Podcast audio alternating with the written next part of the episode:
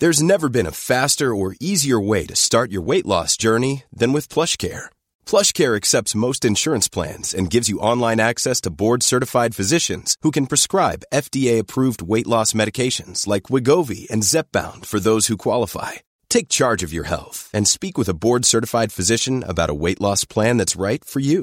Get started today at plushcare.com slash weight loss. That's plushcare.com slash weight loss. plushcare.com slash weight loss. I'm Sandra, and I'm just the professional your small business was looking for. But you didn't hire me because you didn't use LinkedIn jobs. LinkedIn has professionals you can't find anywhere else, including those who aren't actively looking for a new job but might be open to the perfect role, like me. In a given month, over 70% of LinkedIn users don't visit other leading job sites. So if you're not looking on LinkedIn, you'll miss out on great candidates like Sandra. Start hiring professionals like a professional. Post your free job on linkedin.com slash achieve today. Hold up. What was that? Boring. No flavor. That was as bad as those leftovers you ate all week. Kiki Palmer here, and it's time to say hello to something fresh and guilt-free. Hello Fresh. Jazz up dinner with pecan-crusted chicken or garlic butter shrimp scampi. Now that's music to my mouth. Hello Fresh. Let's get this dinner party started. Discover all the delicious possibilities at hellofresh.com.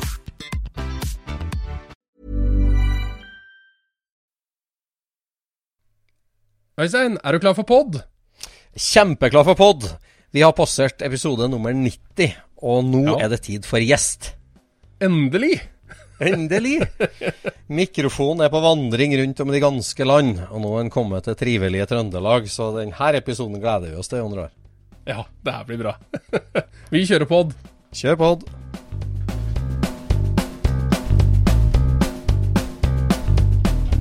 Du lytter nå til Scootspodden, en norsk podkast om klassisk bil med Jon Roar og Øystein.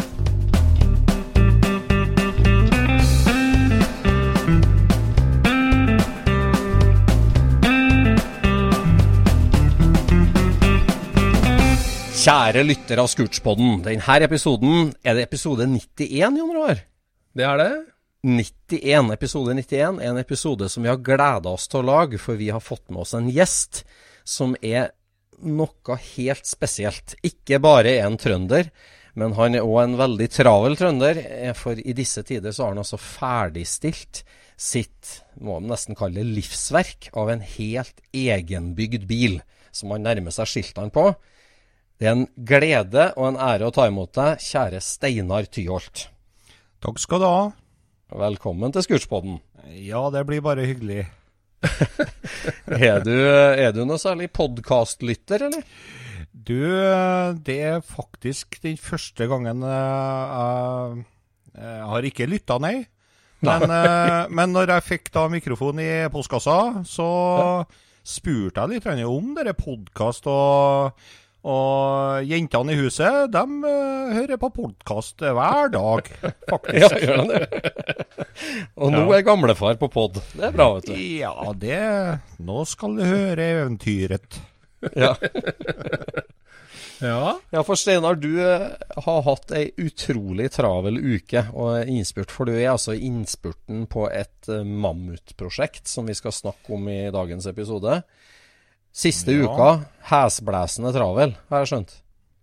Ja, det har eh, vært eh, veldig travelt det siste året, faktisk. eh, For jeg har jo hatt mange puslebiter som skulle ha vært på plass. Og nå begynner jeg endelig å få det helt klart, da. Så, og helt på slutten her nå så har det vært veldig mye media, og selvfølgelig da en teknisk kontroll.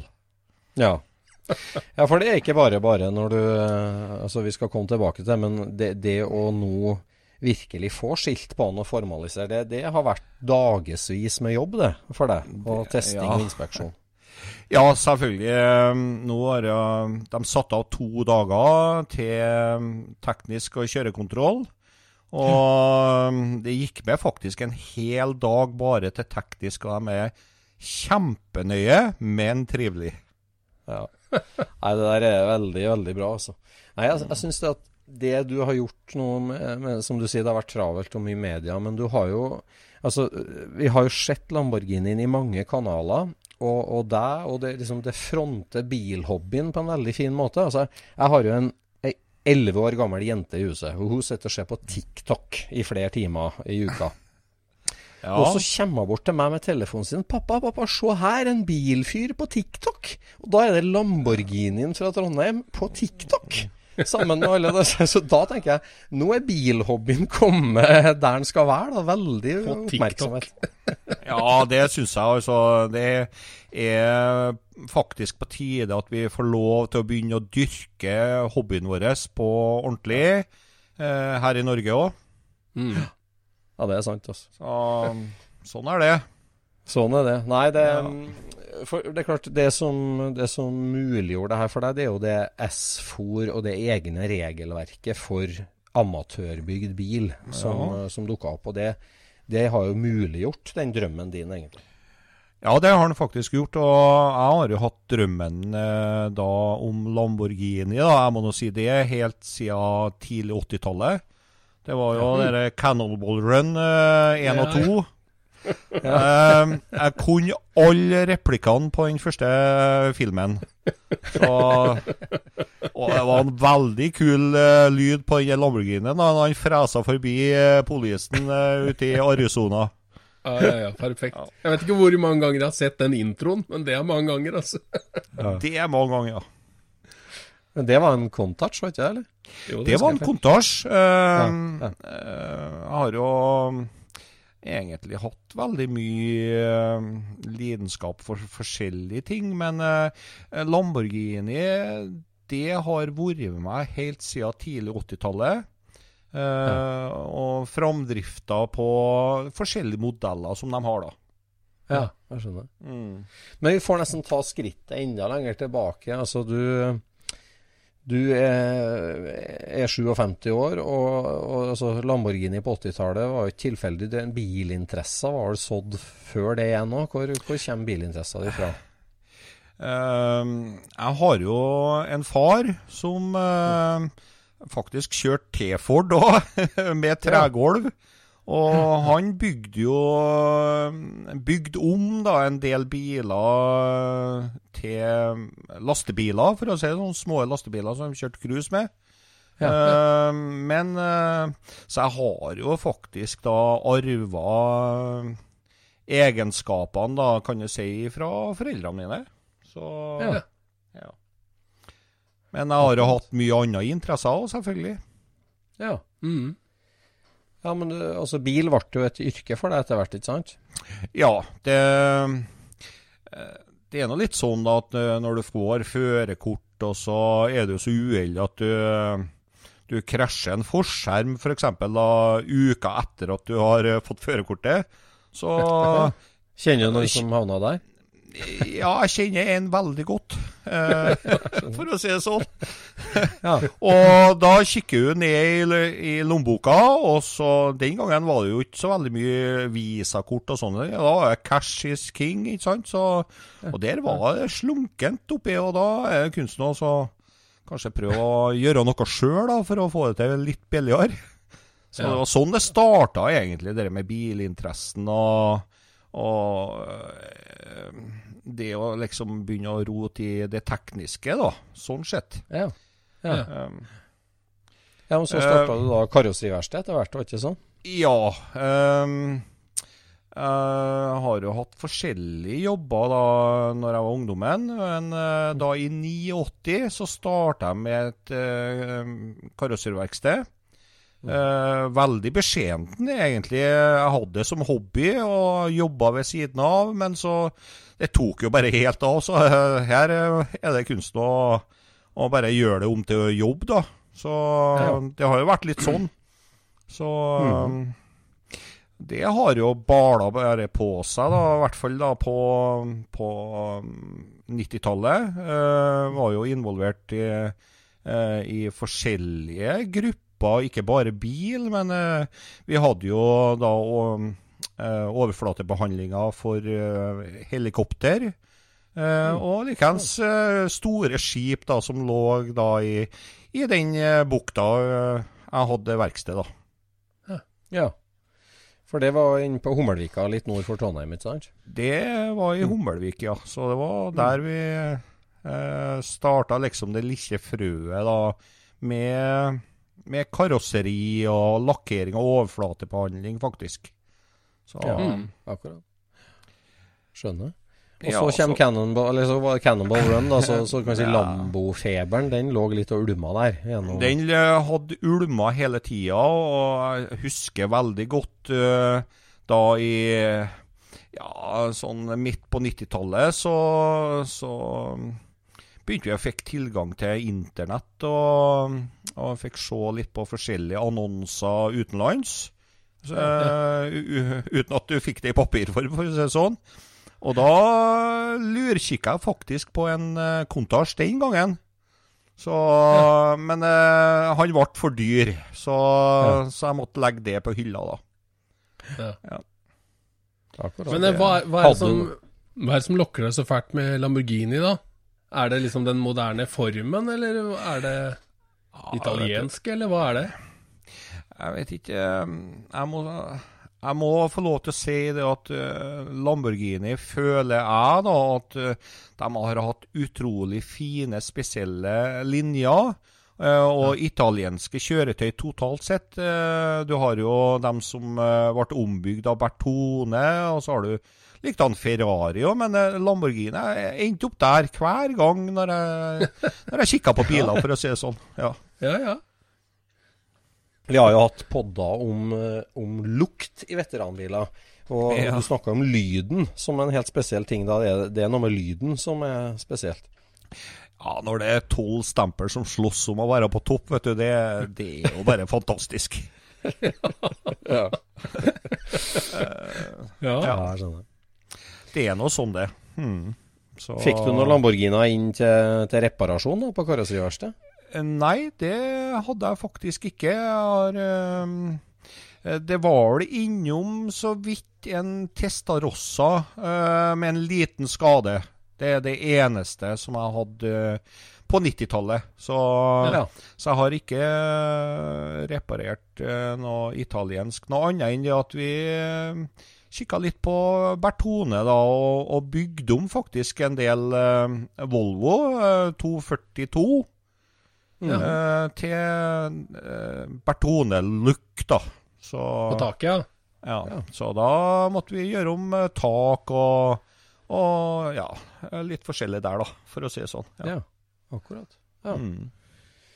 Var du noe involvert i den svarte trønderske Bertone taksenke med bredda skjermer, eller? Det er jeg ikke sikker på, for det har jo vært en del Bertone. Det har det vært. eh, Ja. Men før jeg begynte på, i Hummelvik sjøl, da, så var jeg eh, hos et karosseriverksted i Trondheim. Og da eh, fikk vi inn en, eh, en Bertone der, en original en. Og, Som vi skulle ha til reparasjon, og da ble jeg satt på den. Så det var veldig spennende å se egentlig hva Bertone har gjort, da. Så Ja. eh, helt utrolig, egentlig. Mm. Så på en måte når du da drar i gang Lamborghini-prosjektet ditt, så, så hadde du egentlig ikke skrudd på en Lamborghini før det? Så du hadde ikke Nei. noe hands on erfaring, egentlig, da? Nei, jeg hadde null erfaring, så jeg måtte jo lese meg opp eh, da, og, og brukt veldig mye research for å få opp eh, det som, eh, som jeg kunne få opp. Og det er ikke så veldig mye på den modellen som jeg har gjort. da. Nå kaller jeg jo min bil for Stetty, for eh, det var jo navnet på firmanavnet mitt i, i Hummelvik. Mm. Og det står jo for Steinar Tyholt, så det er en Steinar Tyholt-bil, og ikke en, eh, en ja. Lamborghini. Eh, Jeg ønsker eh, kanskje heller å, å vinkle den veien. Ja, For, ja. I all respekt for, eh, for eh, originalmerket. Ja. Mm. ja. Mm. Men, men hva er det som skjer da, kan vi si, i altså midten på 2000-tallet, da? Så, så, så kommer jo eh, Aventador-modellen kommer vel i 2011, gjør ikke det? Eh, Ja, Lanseres 2011. av Lamborghini. Mm, Hva, hva er det. som skjer oppi hodet ditt da, som, altså, som leder fram til den helt crazy beslutninga om å si at jeg skal bygge min egen bil? Eh, Ja, altså det er litt sånn uh, snedig, det der, egentlig. For uh, i 2013 så mm. satt jeg og en god venn da, og drakk kaffe på det firmaet jeg har i dag. Mm. Uh, og, han, og, da hadde jeg kikka litt på Diablo, for jeg syns faktisk den er litt finere enn Kontasjen. Ja, okay. Men, og Gallardo har du jo selvfølgelig eh, Muslago, for det, det sier sånn, da. Men, eh, men eh, det var sånn det starta, liksom. Sånn, ja, han, han, sa jo det, han eh, kompisen min, at eh, ja, men Du laga en bil sjøl du, Steinar. Det er vel ikke noe problem for deg, sin. Nei vel, sier jeg. Én ting er jo å bygge en, sier jeg, men du skal jo ha lov òg. Ja. og det var jo på desember i 2013. Ja, og i januar da så slapp jo departementet da den bomba i Norge at uh, nå er det mulighet for å bygge din egen bil. Ja. det var som da, bestilt. Ja, det var jo det. Uh, jeg sa jo til fruen i huset her at uh, ja, det er litt greit å kanskje uh, koble av litt fra jobben, og så stå litt i garasjen og kanskje pusle litt med et byggeprosjekt, sa jeg. Å, ja. sier du det, sier jeg. Ja, men det hørtes da fint ut. Og ja. hun jo, har jo vokst opp i en bilfamilie sjøl, så ikke det at hun visste hva jeg gikk til. Men, det gjorde vel ikke du heller, håper jeg? Nei, jeg så for meg kanskje en uh, fireårsperiode da, for å gjøre ferdig, men det var det ikke. Nei. Så, sånn er jo det. Og jeg kikka jo litt på da, de forskjellige modellene, men jeg falt jo pladask for uh, den uh, toppmodellen, da, altså Aventador. Men det var jo så tidlig i, i prosessen eh, at eh, det var jo vanskelig å finne noe emner, i, i hele tatt emner. Eh, ja. Karosserimessig, f.eks. Det var jo helt Ja, helt vilt, egentlig. Jeg reiste jo land og strand, og da sier ikke jeg det at jeg reiste i Norge land og strand, men hele verden, faktisk. ytterpunktene er jo da Bangkok i Thailand eh, og Bulgaria, Phoenix i Statene og i Mexico. Jeg endte opp i Mexico, da, til en kar der. Ja. Ja. Men alle de tre stedene, så var det folk som lagde Aventadorer, eller? Mm, eh, det er nå litt sånn, da, vet du, at uh, vi har forskjellige betydninger på ord. Uh, landsmessig. Så, når vi syns at det er bra, så er det jo fantastic, vet du, i utlandet. Så, så jeg hadde uh, veldig mange bomturer, og, og jeg vurderte faktisk å, å, å ta meg en seriøs prat med da skipsmodelltanken, eller Sintef, da, i Trondheim, mm. og få fresa en modell ja. ja. Så um, jeg var jo inne på tanken der. Og Men da altså, er det Ja. Jeg tenker, du har, du har, drømmen om Lamborghini, og han, kameraten din utfordrer deg. og Det er jo å kaste hansken og gi deg sånn ut som du bygger deg en bil, det var jo ganske tøft sagt. Og det at du tar den utfordringa da. Og så ja. sirkler du inn typen, men altså tenker du da jeg må ut og finne et kit altså, som jeg kan bygge sammen? Eller jakta du det du snakker om nå, er det karosseriet du jakta på, eller, eller ja, var det liksom et byggesett, eller? Nei, altså, jeg fant jo fort ut at det fantes ikke noe byggesett av uh, Aventadoren. Det Nei. gjør det egentlig ikke av uh, de andre modellene heller. Uh, sånn helkit, nei.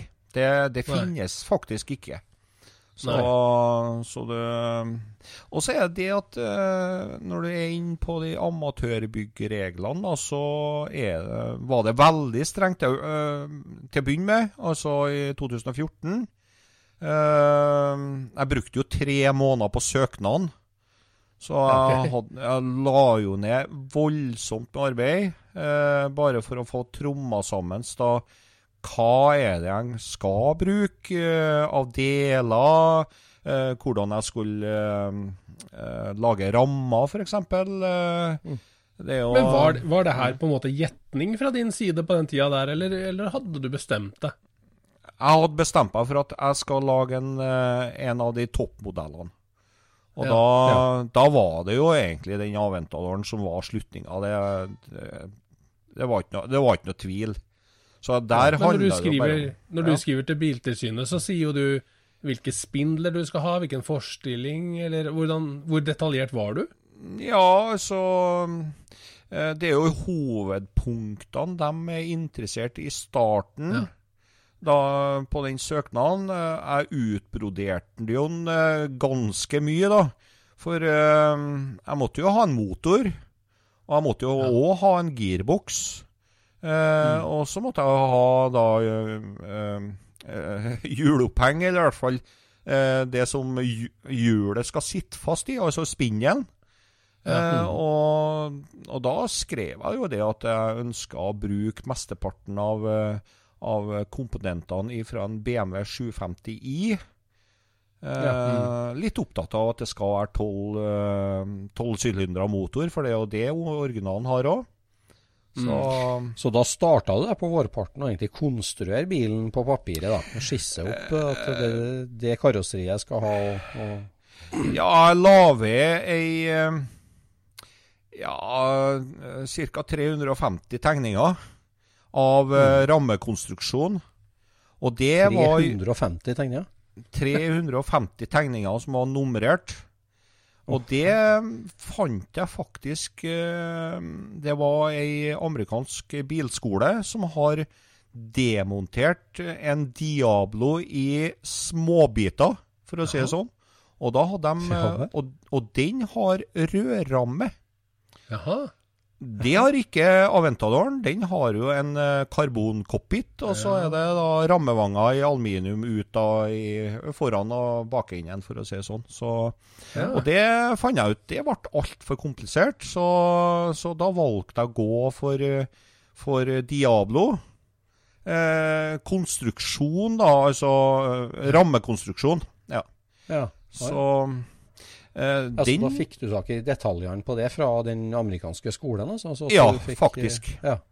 Og der, eh, den var jo så nøyaktig at den ene tegninga der hadde de faktisk bemerka det at uh, pga. en gammel skade så var ikke de helt sikre på om den uh, biten, altså rørbiten, uh, stemte 100 så det var ganske detaljert, altså. Så, ja, det er jo en gullgruve, det der, da. Ja, det var egentlig det. Uh, så du sov godt når du fant den. Hmm? Ja, du sov godt når du fant den der. Nei, da sov jeg i hvert fall ikke. For da var det jo å fordype seg i da, tegningene. Og og vinkler og dimensjoner, stålkvalitet. Uh, bare sånn som stålkvaliteten. Der måtte jeg til England for å, for å få tak i den. Den uh, hadde ikke de hos uh, Norsk Stål. Så, Men altså, Steinar, ja. hos, hos Königsegg så er det her et team på 30 ingeniører som har gått ti år på skole.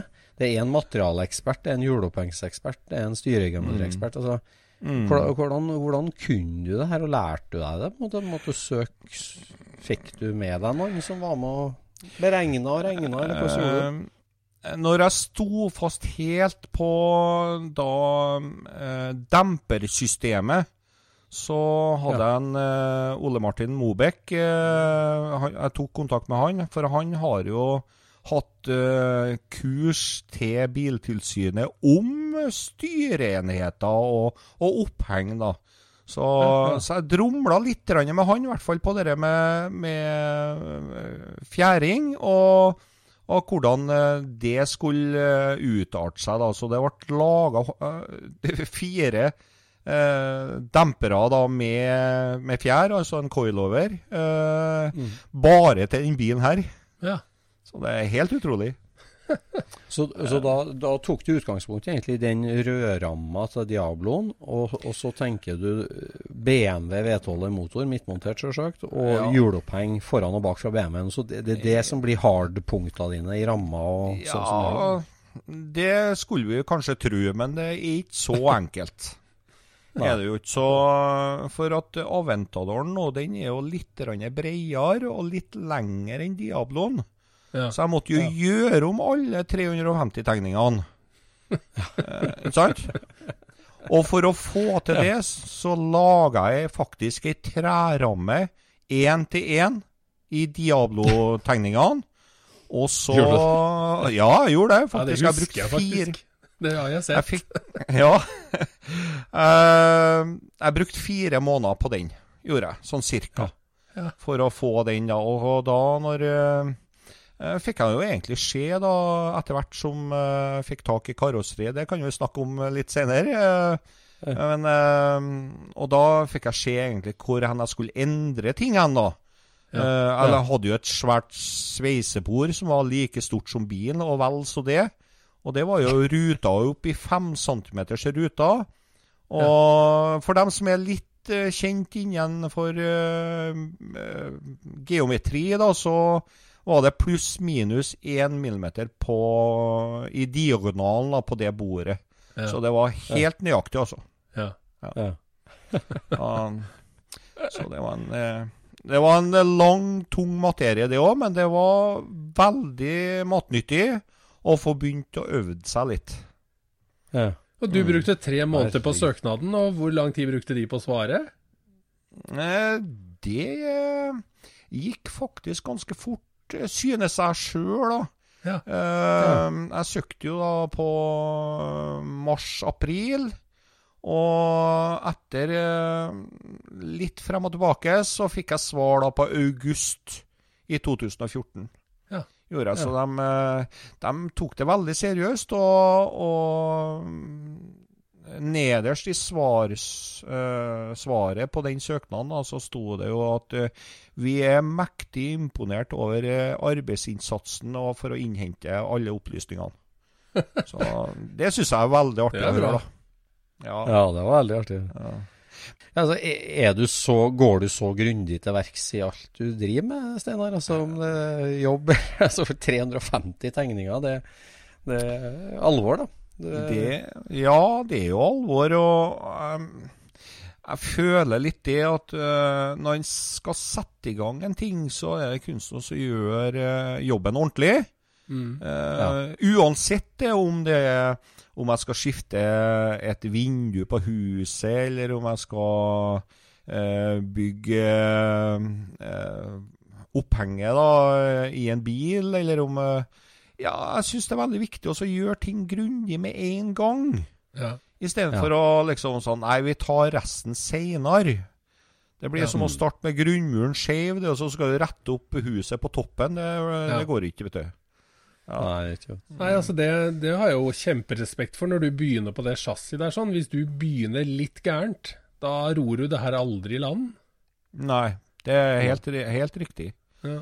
Så Og da var vel du en av de første store TS for òg, da, det nye organet og nye regelverket? Ja, jeg var det, og vi eh, Vi utvikla egentlig veldig godt uh, forhold, da, altså jeg og mentoren i Trondheim. Eh, Og eh, vi ha, taket var veldig høyt. Når, når jeg skulle uh, lage en del, så laga jeg gjerne to-tre modeller for at han skulle klare å se egentlig hvordan jeg tenkte. da. For det Ja. trenger ikke å være så veldig greit det med, med ord, for å si det sånn. Og, og i tegning er heller ikke Da må du inn på CAD, da. CAD eh, 3D-tegning. Men uh, da fant jeg ut at det var mye likere at jeg laga en, en modell én til én, så han egentlig så hvordan uh, ting funka. Ja. Så han òg syntes jo veldig spennende, da. Så Ja. ja. Eh, det er litt det. uh, Jeg tenker det, det regelverket, altså SFOR er det organet som uh, du søker til, og som liksom skal håndheve det regelverket som heter amatørbygd bil. Ja. Ikke sant? Og, Ja, det er helt riktig. Du søker, mm, og du, du søker dit, og det Eh, Og det ble etablert, som du sier, i 2013. Og, og, og det er jo mulig for eh, hvem som helst, egentlig, det. Å lage en søknad og si at det her, jeg skal bygge en bil fra grunnen av, og her er skissa til det. Kan du si, eller tegninger til det. Ja. Det, er så enkelt kan vi si det. Vi kan koke det ned i kålen eh, og sende inn en ordentlig søknad til SFOR. Gjerne ta kontakt med dem før du sender mailen òg, så du er sikker på at du har fått med deg alt. Eh, de er veldig samarbeidsvillige, altså. Er de. Men òg igjen da veldig korrekt. Ja. Mm. Det er viktig. Jeg skjønner. Mm. Men da fikk du altså den go godkjent altså da, da får du vel godkjent at du kan bygge etter de rammene der, kan du si da. Og Ja. Hvor starter du hen da, da, liksom, når du som ja. du sier, starta med å kjøpe deg sveisebord, da? Ja, altså, sveisebordet laga jeg sjøl, selvfølgelig. Eh, det var jo ikke å få kjøpt. Eh, Et så svært bord, det er jo Det er jo Ja, det blir nesten hele garasjen. Altså, jeg har en ganske stor garasje, da, så heldigvis. Eh, men så kommer jo Biltilsynet da på besøk. De skal ha tre besøk gjennom hele byggeperioden. Nå hadde jeg noen flere besøk, for at, eh, på grunn av at eh, eh, byggverket egentlig er veldig komplisert i forhold til mange andre byggesettbiler, f.eks., som har enklere hjuloppheng og sånne ting. Så, så, så det var, ble veldig mange runder, og de holdt dem orientert hele tida. Hvis det var noe jeg skulle endre på, så skrev jeg på en mail, og så sendte jeg i vei. Eh, Ja. Det som eh, For det måtte ha blitt ja. veldig mange endringer, tenker jeg, altså etter de første skissa du lager. Som du sier, altså, du må Ja, ha ja. lært mye underveis. Og, og Ja, ja. Læringskurven har vært utrolig høy, altså. Når du skal innom så mange felt Ja. som er på en bil, da, som du sa sjøl, at det kanskje er 30 ingeniører som sitter og, og skal tromme sammen en, en, en bil, så, så må du innom faktisk alle områdene. Mm. Eh, hvis du ikke kjøper selvfølgelig områdene, da, for å Ja. si det sånn. Men si, si da, da, som du sier, du skulle ha runde rør, og stålkvaliteten fant du i England, og du får hjem et lass med runde rør utafor Ja, garasjen. Det var firkantrør jeg brukte, da. Ja. Firkantrør. For det var det Diabloen besto av. ja, det var det.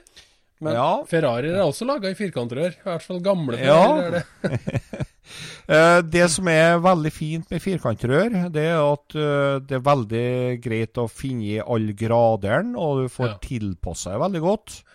Eh, Mm. Jeg gjorde om faktisk ei kapp- og gjæringssag. Så jeg, jeg saga alle delene da med den, gjorde jeg faktisk. Så Ja. Men det som jeg syns er veldig artig å fortelle, det var jo ehm, jeg, har, jeg endte jo opp i Mexico når, eh, når jeg skulle se på karosseri. Mm. jeg leita, jeg leita. Siste turen jeg hadde, det var jo i Phoenix, og der var det bomtur igjen.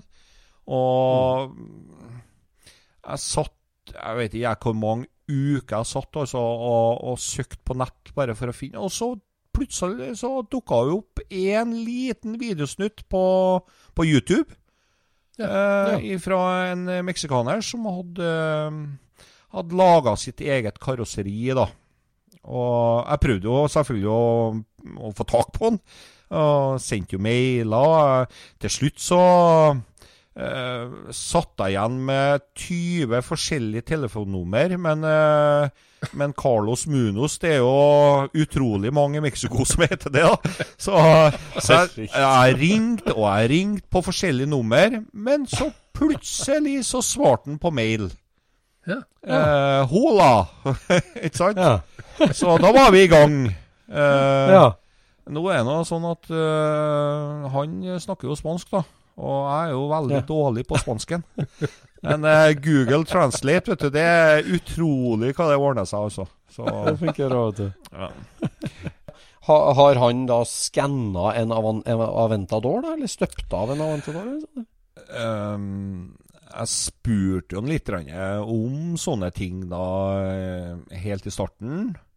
Og han svarte bare det at 'jeg har laga karosseriet'. Og OK. Ehm, eh, jeg måtte jo reise over til ham, da. Uh, Og det gjorde jeg etter at jeg hadde sagt at OK, vi, hvis det er sånn som du uh, sier at det er, så Og jeg fikk jo veldig mye bilder av det han har gjort. Uh, han, han er egentlig en karosserimaker til Ferrari i Mexico. Så, så, så det er en eh, veldig intelligent mann, eh, det må jeg si. Ja. Så eh, Og det var aldri spørsmål om penger. Og det, var, det er et veldig godt tegn når du snakker med noen som er utenlands. Ja, ja. ja. vi har vært enige om pris, men vi har ble aldri snakk om penger, om han skulle ha forskudd eller sånn, og bla, bla, bla. ikke sant? Så, så han satte i gang og støpte karosseriet. Nå var det jo sånn at uh, han måtte jo lage en plugg og, for å lage all formen. Ja. Eh, Og jeg som har vært inn i glassfiberbransjen da, helt tilbake til uh, kan jeg si start da, av arbeidskarrieren min på 80-tallet, så, så var jeg jo til Selfa båt i Trondheim og laga plugger sjøl. Så jeg vet egentlig hvor komplisert det kan være. Ja. Jeg spurte jo egentlig hvordan han skulle gjøre det, eller hvordan han hadde gjort det. Og da kunne han svare med det at uh, jeg hadde ikke råd til alle leirer. Så han støpte eh, kan du si, innerdelen uh, i betong først. Og så begynte han å, å la leire på den. Og så, og, og, så på god gammeldags vis altså høvla hele bilen.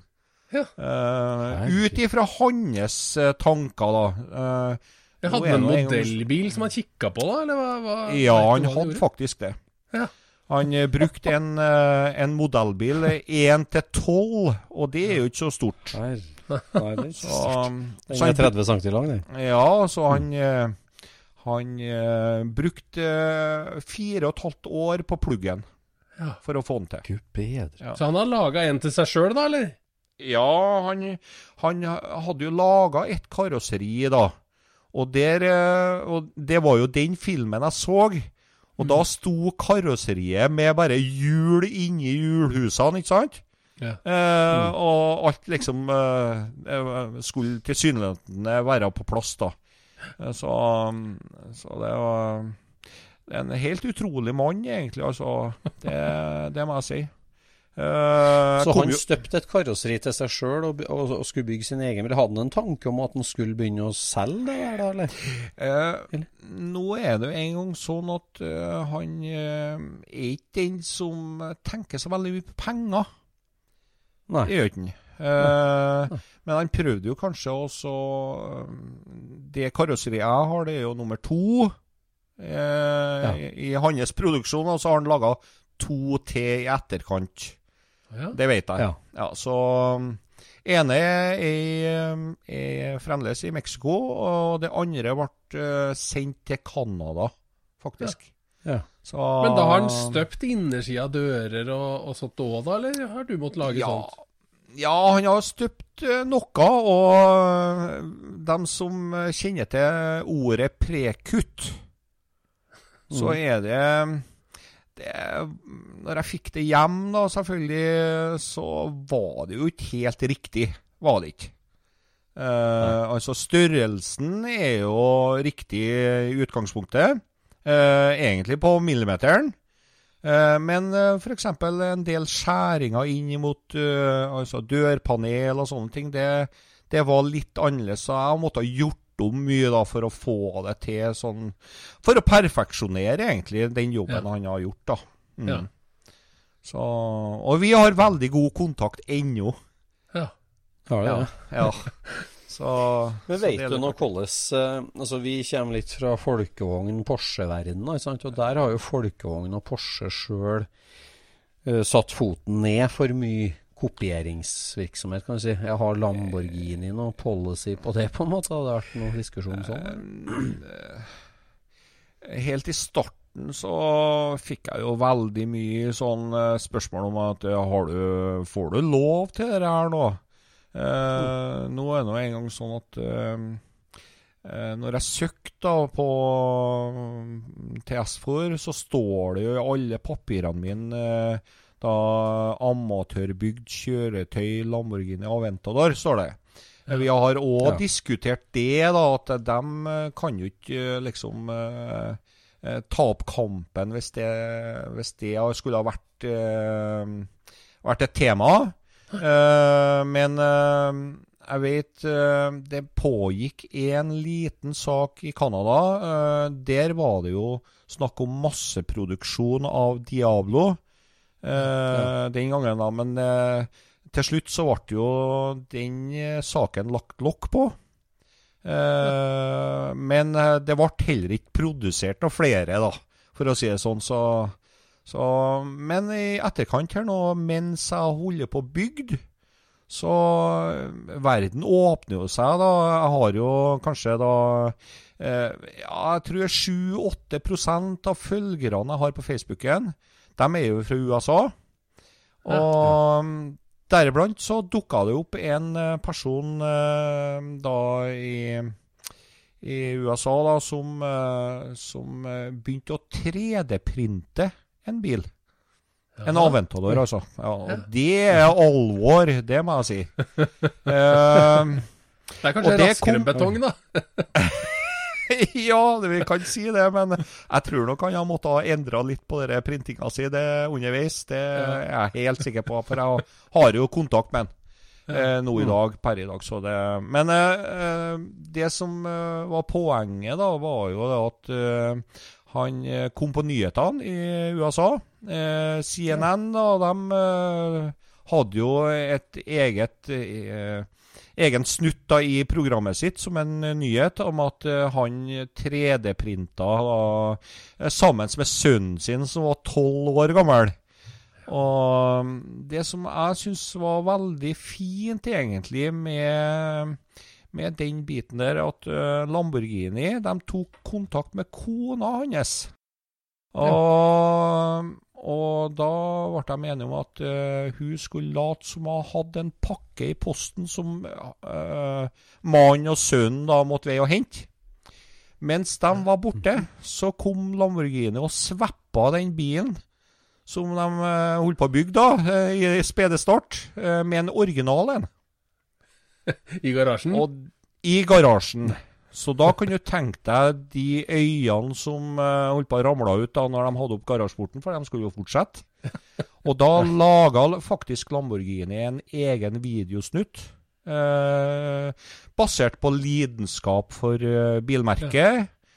Og, og at uh, sønnen da så opp til faren sin, og han uh, spilte da bilspill, selvfølgelig, med da selvfølgelig den Aventadoren, da, som er det beste da av, av eh, det bilspillet som han brukte. Så, så da Jeg syns de spilte veldig godt på følelsene, eh, og det er jo det det handler om. Når du bygger en bil, det blir noe annet når du skal kanskje eh, produsere og Ja. selge.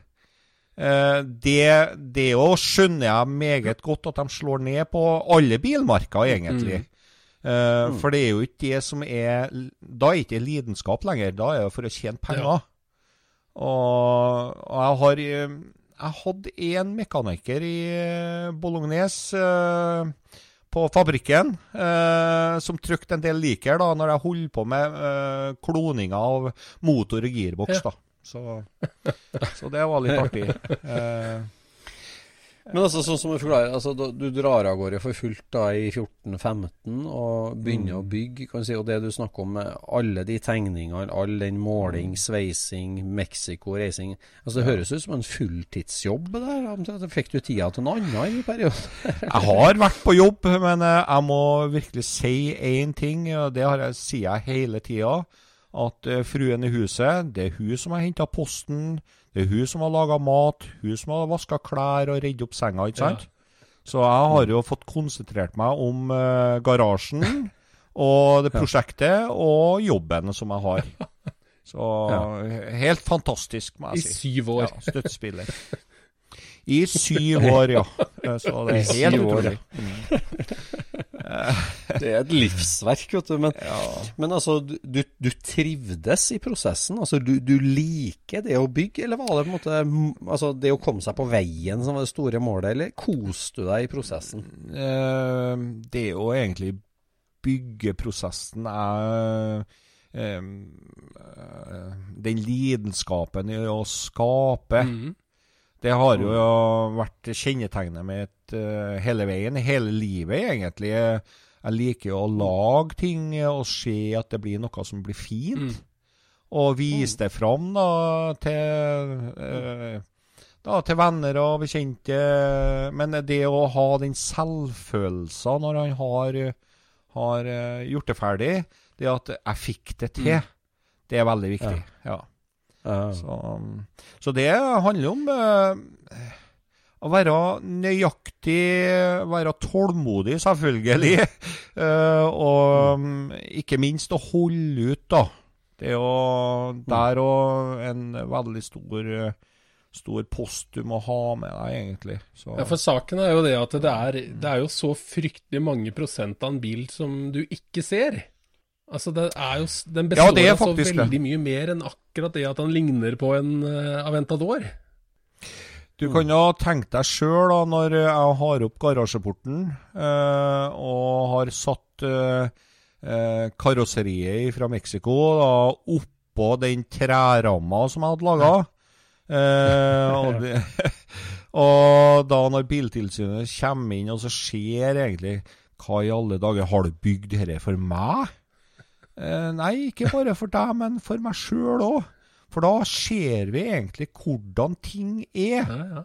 Helt ifra starten Ja. av. Ja. Visualisering, ja. ja, det er akkurat det. Så, Ja. så har det jo vært delmål. eh, Jeg har jo vist fram eh, rullende chassis. Det satte jeg igjen da i fire dager til Biltilsynet i Trondheim. Eh, Etter to dager så ringte han, han mentoren og sa at eh, 'Hvor vil du ha chassisnummeret hen?'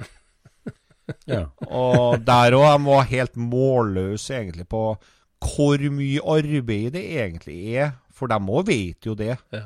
Eh, Det å, å lage et uh, Lage et rammeverk som er da uh, funksjonelt, for å si det sånn.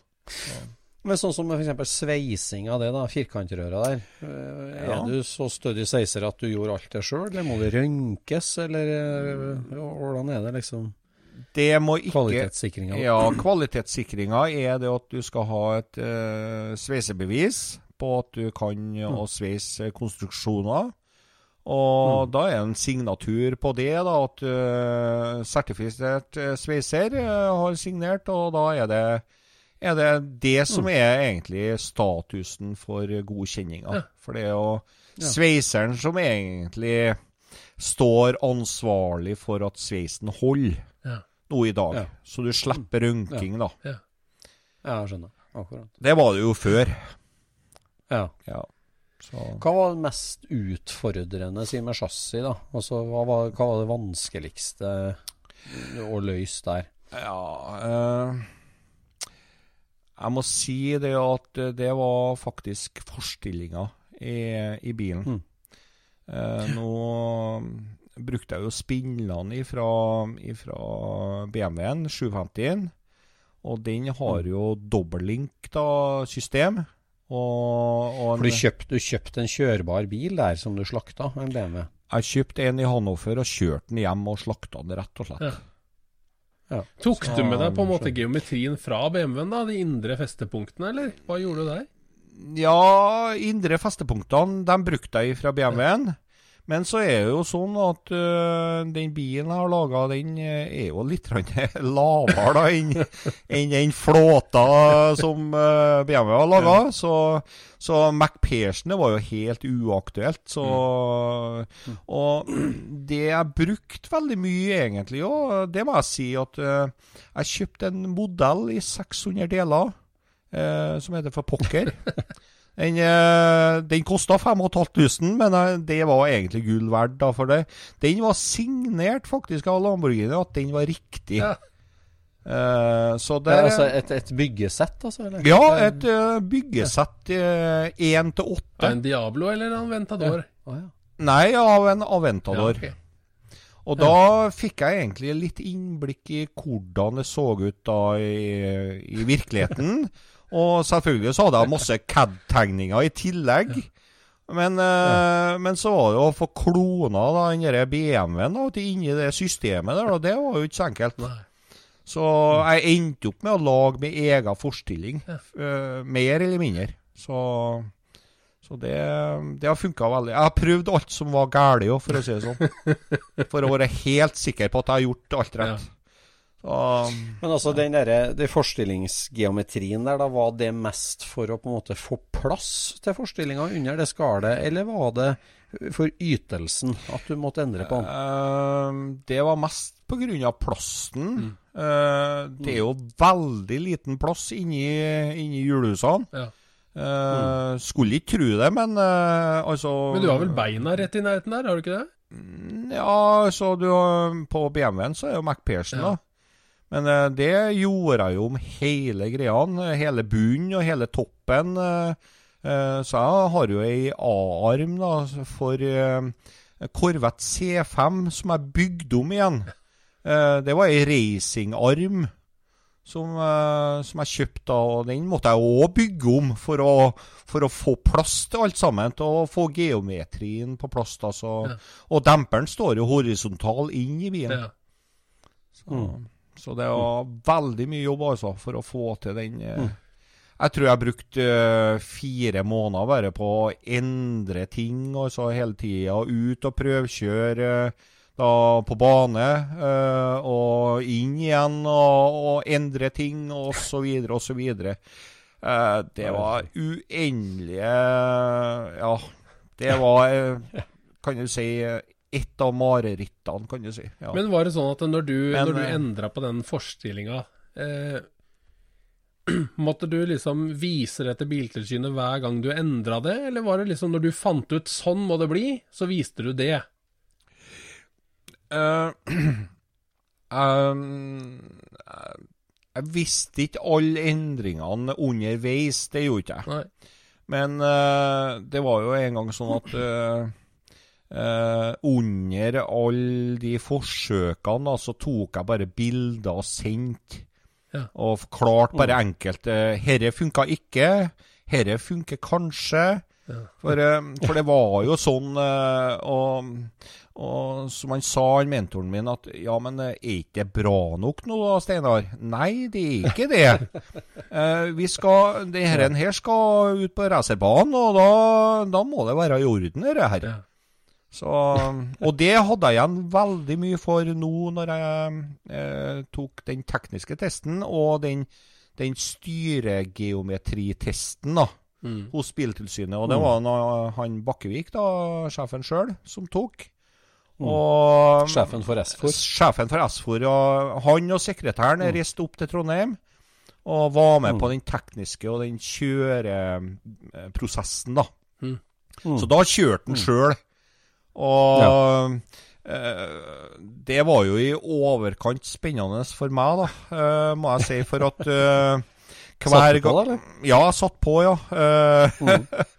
jeg kan jo òg si det at når du har brukt så lang tid på et byggeprosjekt, så bare det å kjøre bilen ut av garasjen og inn i en henger Eh, da er det sånn at eh, Da er rut, fast rutine. Må på potta først. Og så er det nesten så du kaster opp når du eh, vasker fingrene. Og så må du manne deg opp, og nå skal jeg kjøre. Så, ja, sånn? så, ja, så jeg, har- jeg har hatt det sånn følelsesmessig. Ja. Fordi at jeg er så utrolig redd for eh, utstyret. Ja. Ja, du er redd for å ødelegge den, rett og slett? Eller, eller Jeg er redd for at Ja, redd for å ødelegge den, eh, eller at det er noe som skjer. For at eh, du må jo ha da en del eh, timer på bilen for å, for å liksom begynne å få senka skuldrene litt. Ja. Så, Men når det er sagt, da, så, så kunne han si det, han eh, Bakkevig, at uh, han hadde aldri kjørt noensinne noe som har respondert så bra eh, på styring. Og det skal du ha, Steinar. Og jeg har kjørt mye bil opp gjennom tida. Så du kan eh, senke skuldrene, og du er på høyde med Königsegg og Bugatti. Så det, det er veldig bra skussmål, da. Da er du et godt ja, Det selskap. er veldig bra skussmål. Ja, Da er jeg et godt selskap. Ja. Nå er det nå engang sånn at eh, jeg har noen få hemmeligheter framme der. Eh, Nå vet jo Esfor det, da. Så, så, og han sa jo det at eh, eh, det er faktisk en del eh, bilfabrikanter som har skal ha vært under og så kikka på eh, en del ting som jeg har gjort, altså. Eh, For det var så korrekt hele veien. Ja. Men klart, eh, eh, det jeg vet i hvert fall eh, Nå står det igjen lydtest. Og der er det jo òg en, eh, en del materia Jeg har jo kommet med en del forslag til, til litt eh, lovendring. Eh, opp gjennom tida, da har de jo tatt bare imot de ballene som de har ønska, og så har de nå satt seg litt i tenkeboksen, dem, og, og de har gjort en del ting litt enklere for, eh, for eh, oss som bygger, da. Eh, Deriblant da det Exos-systemet som jeg har i dag. eh, det har jo aldri blitt gjort før. Så, så uten å røpe noe mer enn det. Ja. Eh, ja, det vet jeg ikke om jeg vil røpe ennå, før, før regelen ligger på, på, mm, på bordet. Så Jeg føler, vi, jeg føler vi snakker med Rudolf Blodstrupmoen her. nå. At uh, det er noen hemmeligheter foran der, og han vil ikke røpe noe mer. Veldig bra. Veldig bra. Ja, jeg har blitt sammenligna med Reodor Felgen da, i Ja, hvert fall de siste fem årene. Ja, Det har jeg, ja, ja, ja. Så, ja. Så, Men, eh, men det, er jo ikke, det er jo ikke bare arbeidstimene som begynner å hope seg opp i kostnad og verdi for deg nå. Jeg syns det ser ut som det er en del sånne Lamborghini-deler som har funnet veien til en stett i år, jeg. Ja, det, eh, det er nå sånn at eh, jeg har jo brukt noen Lamborghini-deler òg, Ja. hvis det var det du lurte på. Ja. Eh, jeg har eh, selvfølgelig frontruta, den er original. Eh, Nå var det jo en gang sånn at en, eh, Carlos han blingsa litt på linjalen, vil jeg tro, da når han laga taket. Okay. Så, så eh, taket er litt smalere i toppen enn på originalen. Og da okay. satt jeg faktisk i fire dager, hele dager, for å slipe eh, sidene på frontruta med hjertet i halsen. Så jeg drog inn faktisk to centimeter opp i toppen. Ja. Og så gikk det ut i null da, nede i bunnen, da, hvis du ser for deg det. Ja. Eh, for å få det til å smette inn, da. Hva er det du slipa med da, da? Jeg slipa faktisk med en båndsliper. Er En sånn pekfinger, som jeg kaller det. ja, ja. Så det gikk med fire dager. Uh, På ei ekte frontrute. På ei ekte frontrute til 42 000 pluss moms. Så, så da, da er du forsiktig, altså. Da er du forsiktig.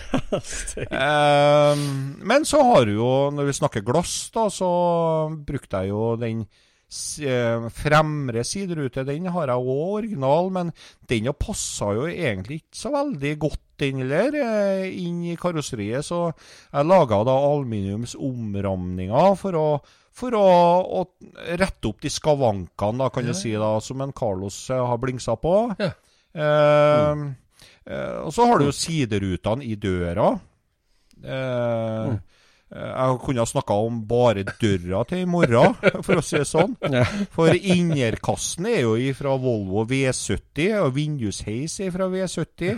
Eh, dørlåsen er fra BMW, og så måtte jeg jo ha ei rute oppi alt dette. Og jeg bestilte jo originalrutene, ja. men de var jo litt for lange. ok. Den var faktisk fem centimeter for lang i forhold til døra som jeg hadde. Og da fant jeg ut det på modellen, at eh, han skråskjæringa inn i karosseriet på døra, det var, den vinkelen var feil. Aha. Og da var det jo spørsmålet skal jeg bygge om døra, eller skal jeg se om jeg finner meg noe annet vindu. Ja. Og da endte jeg opp med å lage eh, selve vinduet i aluminium. Altså en, eh, en eh, modell da, Mm. som var kuva og rette tjukkelser, og fikk montert inn. Altså jeg så at eh, den aluminiumsplata gikk eh, i karosseriet som den skal gå. Mm. Og da ble den tegninga sendt til en glassfabrikk. Eh, og, og ble produsert da, og bøyd og herda på ordentlig vis. Eh, så den er jo E-merka. Og jeg har mitt eget eh, eh, egen logo, altså Stetty-merke, på de eh, vinduene. Har du det? Ja. Så, Kan så du det, selge dem til Mexico, vet du. Det kan Med ruttene. ja. Eh, det ble laga seks vinduer, tre på hver side. Ja, ja. Så jeg har i reserve, da. Ja. Så, ja. Ja. så det er one of the kind. Herregud. For en mammutjobb, altså. For en mammut. Har du telt timer på sju år, eller? Ja eh, Sånn som i media, så har jeg sagt eh, 5000 timer har jeg passert. Eh, I byggetid. Men jeg har passert Jeg har jo, har jo klokka litt. Grann, eh, og, og har passert eh, 5300 timer, faktisk. Ja. Uh, på Ja, og så har du all grublinga og søvnløse netter og alt det der òg, da. Ja, eh, det er jo faktisk en 6000-7000 timer, det, bare å, å få innhenta alle opplysningene. Eh, Og hva er det jeg kan bruke? Eh, Finne modeller. Eh, Likedan eh, kjøpe deler som igjen må bygges om for å få det til pass. Så det har vært en formidabel jobb, altså. Har det. Så dialogen med SFOR da, og det regelverket og prosessen, det eh, har du veldig god erfaring med, sier du. Og, og de har opptrådt veldig proft. i- Ja, de har vært mer en samarbeidspartner, eh, Ja. vil jeg si, eh, enn en autoritær enhet. Eh, vi har diskutert løsninger, vi har forkasta løsninger. Men eh, det handler om å bygge tillit frem og tilbake, og, og, og være dønn ærlig på hva han holder på med. Altså. Så, for de finner ut av det hvis du har juksa på et eller annet. Det vil jeg nok Mm. tro. Så, så det er veldig viktig, det der, og de er veldig dyktige. Og likedan eh, den eh, Den følelsen jeg sitter igjen med alle ganger når jeg har snakka med SFOR, så, så er de interessert i å, å få det så bra som mulig. Og det er likedan med meg. Husk på, det er jo et kjøretøy da, som egentlig er ei drapsmaskin. Alle bilene i, som går på veien, eh, det kan ha katastrofale følger.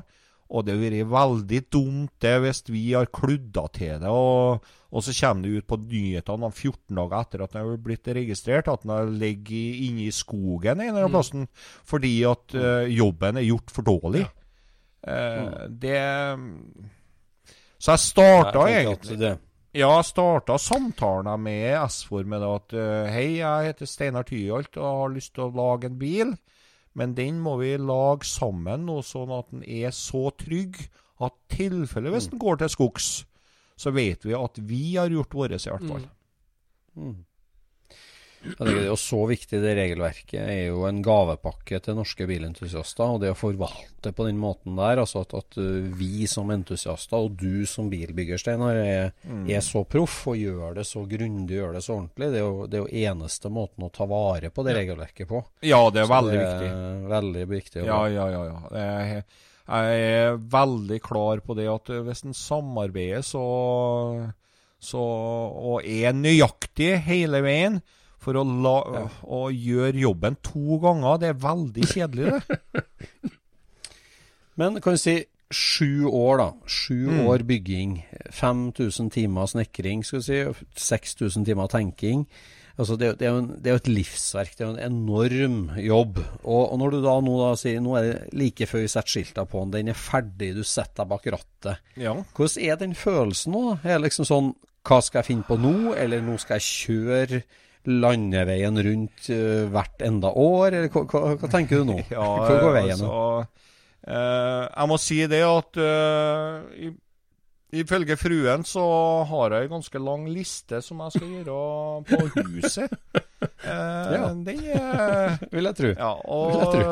det syns jeg er veldig vel, Veldig greit at jeg begynner med det nå, da, sånn sett da på, på en del av fritida mi. Men så har jeg jo da eh, en god støttespiller. Eh, eh, Evento, det er jo et eh, eventselskap som eh, som eh, står eh, meg bak i ryggen, da, og, og, og får satt da det, eh, alt i system eh, når vi skal ut og ferdes. Eh, og målet, da, eh, mitt i hvert fall, det er å vise fram bilen og byggverket og snakke om eh, oppturer og nedturer, i hvert fall. Eh, Eh, ikke kanskje så veldig mye tekniske ting, men, eh, men jeg kan svare selvfølgelig på det òg. Men eh, det handler om livet i, seg, i sin helhet, det med å, å, å være nøyaktig, hold ut, finn løsningene. Om du ikke finner dem den ene dagen, så kan du finne dem om ei uke. Men da kan du jobbe parallelt med flere eh, områder på det prosjektet du holder på med. Om det ikke er så komplisert som det jeg har gjort, så er det evnen til å skape og gleden med å se at det er noe som eh, blir til live. Jeg kaller jo bilen min for Dragen, da, og han har jo vokta til gangs. Eh, Så det han syntes jo det var veldig Ja. kult, eh, han, eh, dem i Biltilsynet, at han begynte å spytte eh, ild av bakgjennom. Men før jeg lukka spillene, for å si det sånn. Så, så, men det, det er jo helt uakseptabelt å, kjøre med de spillene åpne på vei, i hvert fall. Det blir eventuelt på bane. Så Akkurat så bilfabrikken er Stetti, og modellen er Dragen. Ja, det Jeg har jo hatt eh, veldig mye media på, på døra. Um, Mm. Og det som har vært lengst unna, egentlig, kan du si eh, Det er jo da eh, tyske journalister og filmteam. eh, for, å, for at de skal få medel herre utover i Europa. da.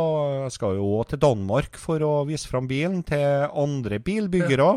Eh, Deriblant eh, eh, en ting som jeg syns er veldig artig, da, det er at eh, Pascualini, da, som er en av arvtakerne til Fiat, eh, holder på å puste liv i Eh, en gammel racer, for å si det sånn. Eh, bare på hobbybasis, men eh, det skal bli en ære å få møte han og, og få delt eh, eh, interesser, da. Og selvfølgelig så har du jo òg et eh, dansk firma som bygger bare eh, biler til eh, 24 timers Le Mans. Ja. Som møter opp, mm. så det blir veldig interessant eh, treff, altså Ja. For oss, da. Ja. Eh, vi er ikke så veldig mange, men, eh, men det blir kjempeartig. Ja. Så, Det høres deilig ut. Det må være Ja. utrolig å, ja, sette nøkkelen inn og kjøre når du nå får skilt, og det, det ja. Ja, det, det, det er jo nesten litt sånn trist at det er slutt i garasjen, eller? I verkstedet, eller er det bare godt? Ja, det, han blir litt melakonsk, egentlig. For eh, eh, nå eh, står jo bilen oppi den øvre garasjen jeg har. eh, altså, jeg har jo eh, garasje på to plan. Jeg har jo egen bilheis i ene garasjen. Så jeg kan senke ned i, i underetasjen eh, av deler av huset. Så, så han, der står han og, og, og blinker litt til meg når jeg går forbi. Så Men Steinar, når du har drevet og bygd den bilen, har du, har du sett for deg en scene hvor du kjører, kjører bilen? Hvor har du da kjørt? Ah, det Det var et godt poeng, det.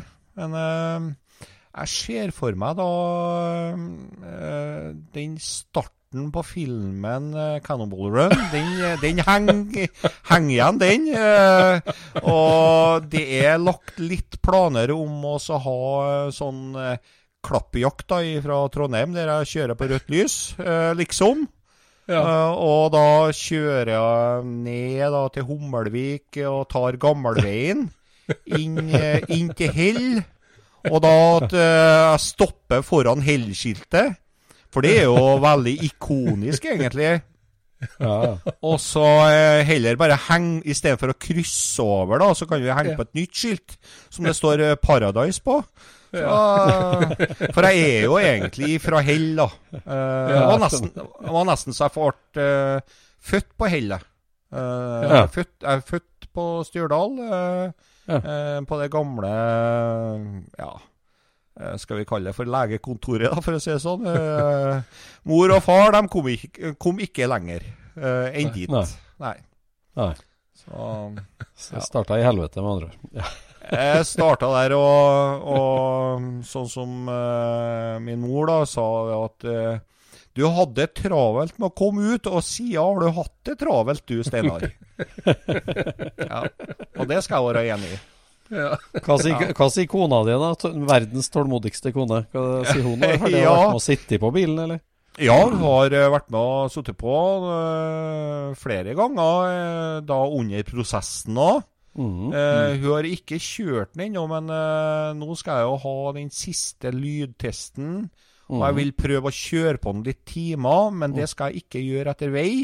Eh, jeg velger da Værnes flystasjon.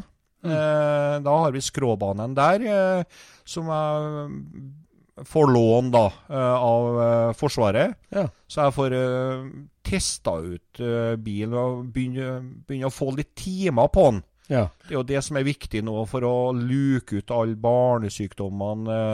Eh, bugser, som vi kaller det. Både elektronikk og eventuelt noe annet ting. Det, altså, jeg har jo vært veldig heldig fram til nå. Eh, Jeg har hatt noen bugger, selvfølgelig. Eh, eh, sprengte jo nesten girboksen eh, på en eh, testtur, da. Så, Og da hvis noen eh, hører på nå, så pumphuset i den boksen den eh, delte seg så, så motorrommet var fylt med olje. Åh. Eh, og der er jo rødglående eh, Ja, eksosrør og sånne ting. Eh, jeg hadde jo selvfølgelig følgebil både foran og bak, og jeg har nesten eh, mareritt eh, ennå. Ja. eh, av den situasjonen, for at den var egentlig veldig alvorlig, altså. Ja. Jeg kunne ha tatt fyr i hele greia. Ja. Oi, oi, oi. ja, det er forgjengelige greier, det Ja, der. altså. skummelt. Ja, så Jeg skjønner det du beskriver den din over å på en måte bruke den egentlig av nå, for det er jo som du har restaurert den bilen som du har lagt så mye timer i. Du er nesten redd for å eh, ja, bruke det òg, selv om du det, det er helt riktig. Og så er det én ting til. og Da, når du har uh, hekkmontert eller uh, midtplassert motor som jeg har, da, uh, så er det jo det at eh, eh, det er for seint når du ser flammene i, i sladrespeilet, altså. Ja. Da er det for seint. Så Du snakker med en mann som uh, fikk motorbrann i bobla si bare for et år siden. OK. Roar. Så han Ja. vet akkurat hva han snakker om. snakker om. Det, det er ikke noe morsomt. Er det ikke? Nei, det er ikke. Nå er du så heldig da at du har jo bensintanken kanskje foran. Ja. Ja, men eh, jeg har, jeg har to tanker som står eh, på hver side av motoren. Ja, ikke sant. Så eh, tar det fyr der, så blir det en storsmell til slutt, altså. Så det, Ja.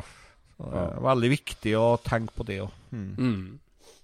Når er det du skal skru på skiltene, nå, Ja, etter planen blir det til eh, julegave, eller? Eh, eh, nå er det nå engang sånn at eh, i utgangspunktet så har du fem år på å bygge bil, og ferdigstille den, da. Det er jo det som er regelverket. Ja.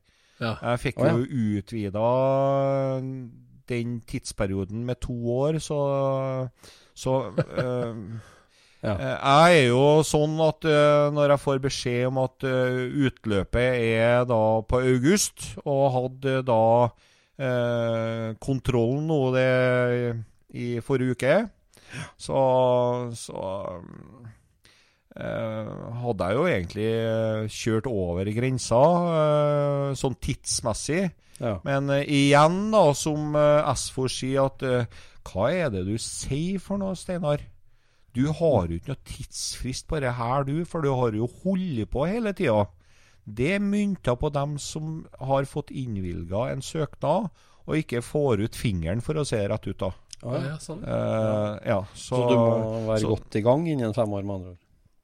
Ja, øh, det må du. eh, Og, og at de ser at det er framdrift hele tida. For, eh, for, Mm. Og det, det syns jeg er helt riktig også, For at det er jo veldig mange som står i kø og venter på å få godkjent da prosjektet sitt. Og det er jo bare 50 biler i året som blir godkjent som prosjekt. Og jeg syns det er litt dumt at eh, det er noen som sitter på den eh, den tittelen, kan du si, da, at de kan bygge sin egen bil, og så står det andre som egentlig har, kunne ha tenkt seg fullført. da. Mm. Mm. Hva blir neste prosjektet ditt da, Steinar? Ja, det var et godt spørsmål. eh, ja Øh, Det blir ikke så komplisert som øh, det byggverket jeg holder på med nå. Eh, Det er faktisk et arvegods.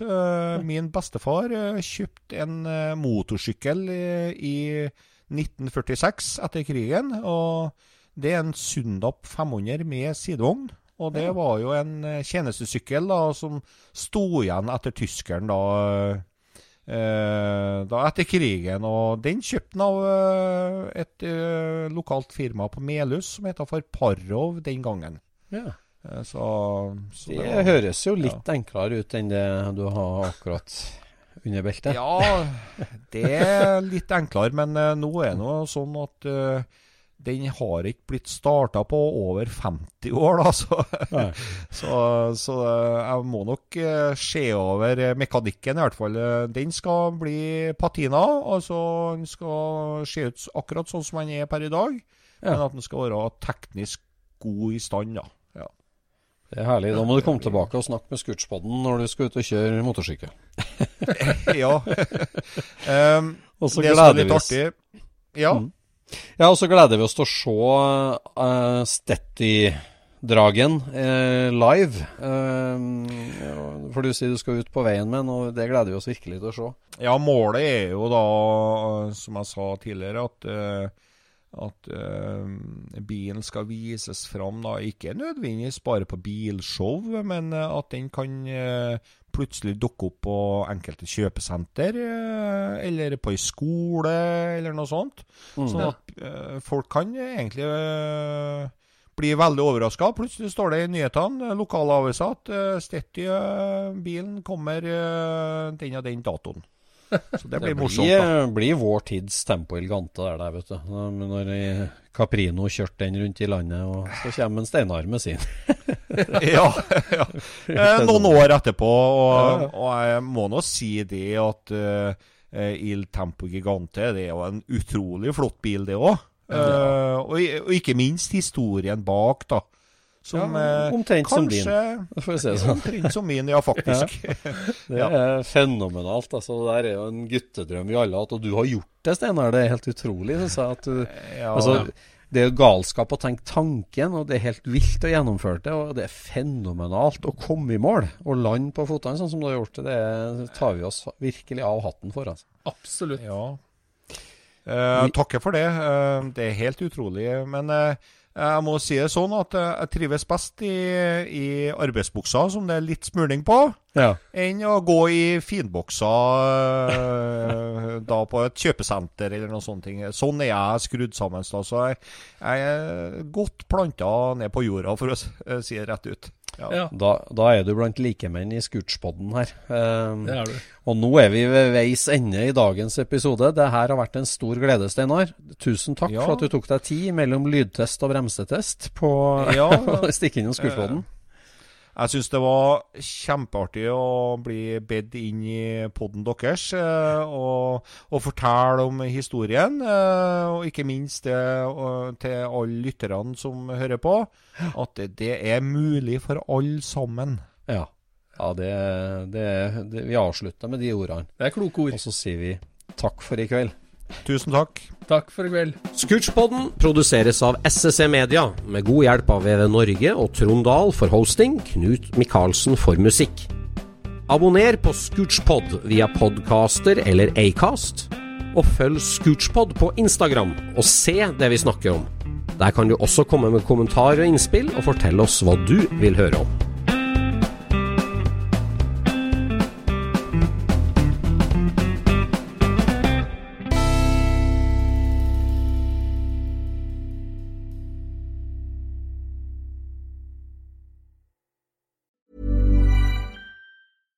Catch yourself eating the same flavorless dinner three days in a row?